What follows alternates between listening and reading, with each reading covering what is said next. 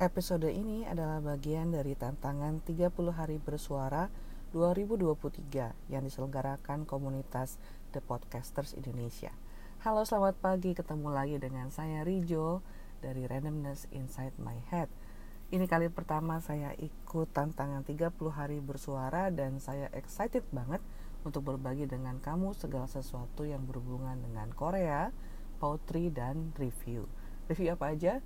Bisa tentang buku, drama, film, ataupun perilaku orang. Jadi tema pertama untuk hari ini adalah kata patah. Wow, uh, kata yang sedikit menimbulkan aura pesimis di hari pertama bulan Desember di tengah mendung hujan sisa dari semalam. Tapi saya mau membahas sedikit mengenai kata patah dalam tiga bahasa yang saya gunakan secara aktif saat ini yaitu bahasa Indonesia, Inggris, dan Korea. Jadi kata patah dalam bahasa Indonesia banyak dipakai untuk menunjukkan keadaan yang hopeless ya. Jadi sesuatu yang uh, broken, sesuatu yang hancur. Tapi sebenarnya kata patah dalam bahasa Inggris dan Korea itu mempunyai dua percabangan makna. Kalau broken dalam bahasa Inggris, patah atau pecah pecah dalam bahasa Indonesia. Kalau kondisinya patah, itu bisa disambung seperti patah tulang atau kursi yang patah. Itu ada potensi buat perbaikan. Tapi kalau pecah dari kata broken itu ya terjemahan bahasa Indonesia-nya itu sulit sekali untuk mengembalikannya ke keadaan semula. Misalnya kaca yang pecah, broken mirror atau HP layarnya pecah, broken screen. Kalaupun mau dikembalikan ke kondisi semula, effortnya itu gede banget kebayang aja kalau kaca pecah ya. Eh, itu kan serpihannya banyak di mana-mana. Kalau ditempelin satu-satu aduh makan waktu banget mendingan beli kaca baru kurang lebih gitu. Sama seperti bahasa Inggris di dalam bahasa Korea pun kata patah yang dari bahasa Indonesia itu diterjemahkan menjadi uh, yang pertama adalah kejida untuk keadaan pecah seperti kaca tadi dan burojida untuk keadaan patah seperti untuk tulang. Nah, dalam bahasa Indonesia, keadaan patah itu banyak dikaitkan dengan keadaan mental seperti patah semangat atau patah hati. Sebagai orang tua, saya menghadapinya setiap hari. Yang pertama tentang patah semangat dan yang kedua kalau anak-anak udah beranjak remaja, udah mulai suka-sukaan sama temennya, itu banyak keadaan patah hati. Terbukti dengan anak saya yang pertama yang udah melalui masa pra remaja sampai awal remaja selama tiga tahun terakhir. Apa yang harus kita lakukan kalau kita patah semangat? Sebenarnya untuk membayangkan keluar dari keadaan patah semangat itu aja udah berat ya. Karena kita tahu kita terpuruk tapi kita nggak tahu gimana keluarnya. Atau nggak ada orang lain yang notice kita dalam kondisi begitu dan mengulurkan tangan untuk ngebantu kita bisa patah semangat untuk hal-hal kecil. Misalnya kalau dalam pelajaran gitu ya uh, udah berusaha keras nih tapi ujian gak dapat sesuai yang diharapkan. Atau di pekerjaan udah mati-matian nih nyiapin presentasi. Eh kreditnya dikasih ke bos. Bos yang mengambil pujian dari hasil kerja keras kita. Atau misalnya udah siapin proposal tapi kliennya ternyata milih vendor lain. Banyak itu yang membuat kita patah semangat. Karena kita punya harapan tapi harapan itu atau ekspektasi itu tidak tercapai. Jadi kita merasa gagal kita merasa nggak punya lagi semangat untuk memulai yang baru untuk mengebaskan kasut. Ya udah yang udah berlalu yang gagal ya udah. Sekarang kita mulai coba lagi yang baru.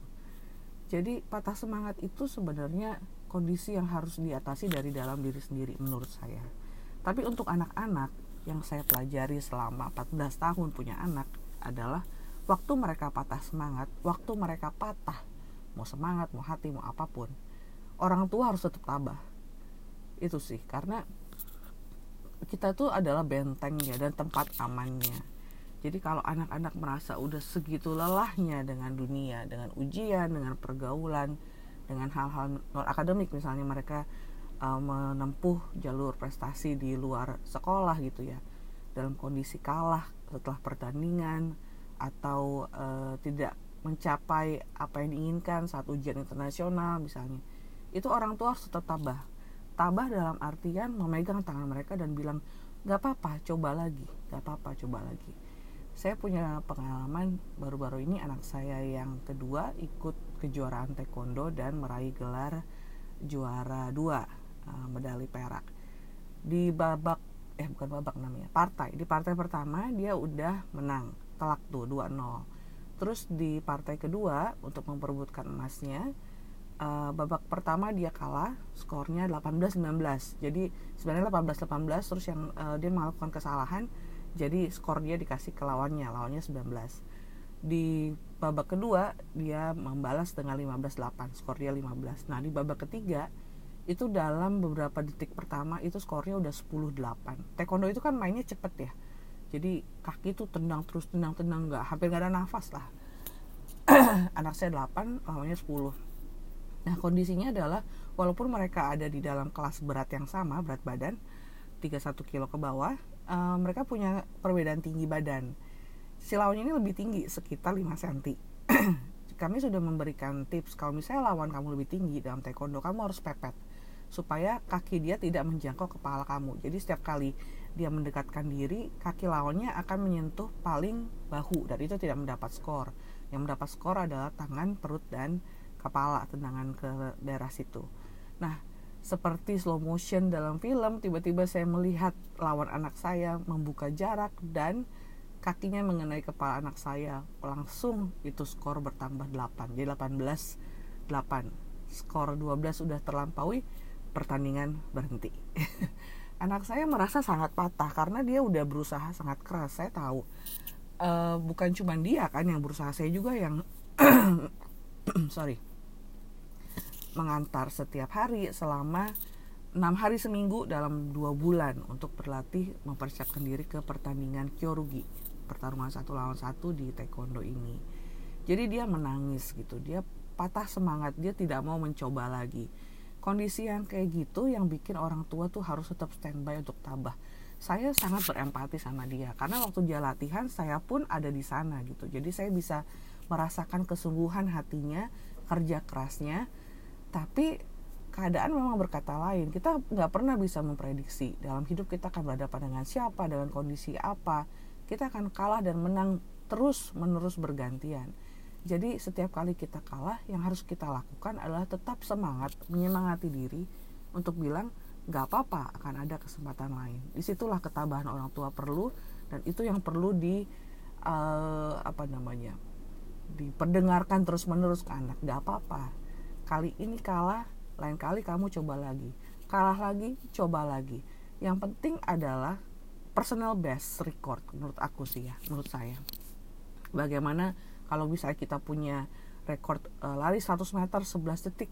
Pada kesempatan berikutnya kita bisa perpendek menjadi 10 detik 50 eh hitungannya second atau detik sih. Second ya 10 detik 50 second misalnya. Jadi kita mengalahkan personal best itu. Anak saya di pertandingan sebelumnya tidak bahkan tidak mencapai partai kedua. Jadi dia uh, sudah kalah di partai pertama. Dan ini buat saya kemajuan. Jadi ketabahan saya pun menular ke dia bahwa dalam segala hal harus bekerja keras, dalam segala hal harus melakukan yang terbaik dalam kapasitas diri. Nah, bagaimana menemukan kapasitas diri itu memang perjalanan bersama-sama antara orang tua dan anak. Ya, sekian sharing saya pada hari ini mengenai patah. Semoga kamu yang patah semangat atau patah hati, patah hati bukan karena cinta aja ya, patah hati karena misalnya tidak dipilih oleh teman sepergaulan, patah hati karena nggak dapet tiket konser yang udah didam-idamkan karena ketipu calo. Nah itu juga patah hati. Ya kamu semangat bahwa setiap hari adalah hari yang baru. Kita buka lembaran baru setiap hari berusaha lagi setiap hari merenung lagi kalau ada kesalahan kalau ada error kalau ada hal yang ingin diperbaiki. Semoga setiap hari selalu lebih baik bagi kamu. Ini podcast saya yang pertama untuk tantangan 30 hari bersuara 2023 sepanjang bulan Desember tahun ini. Uh, nikmati terus setiap harinya stay tune di podcast Randomness Inside My Head. Bye bye.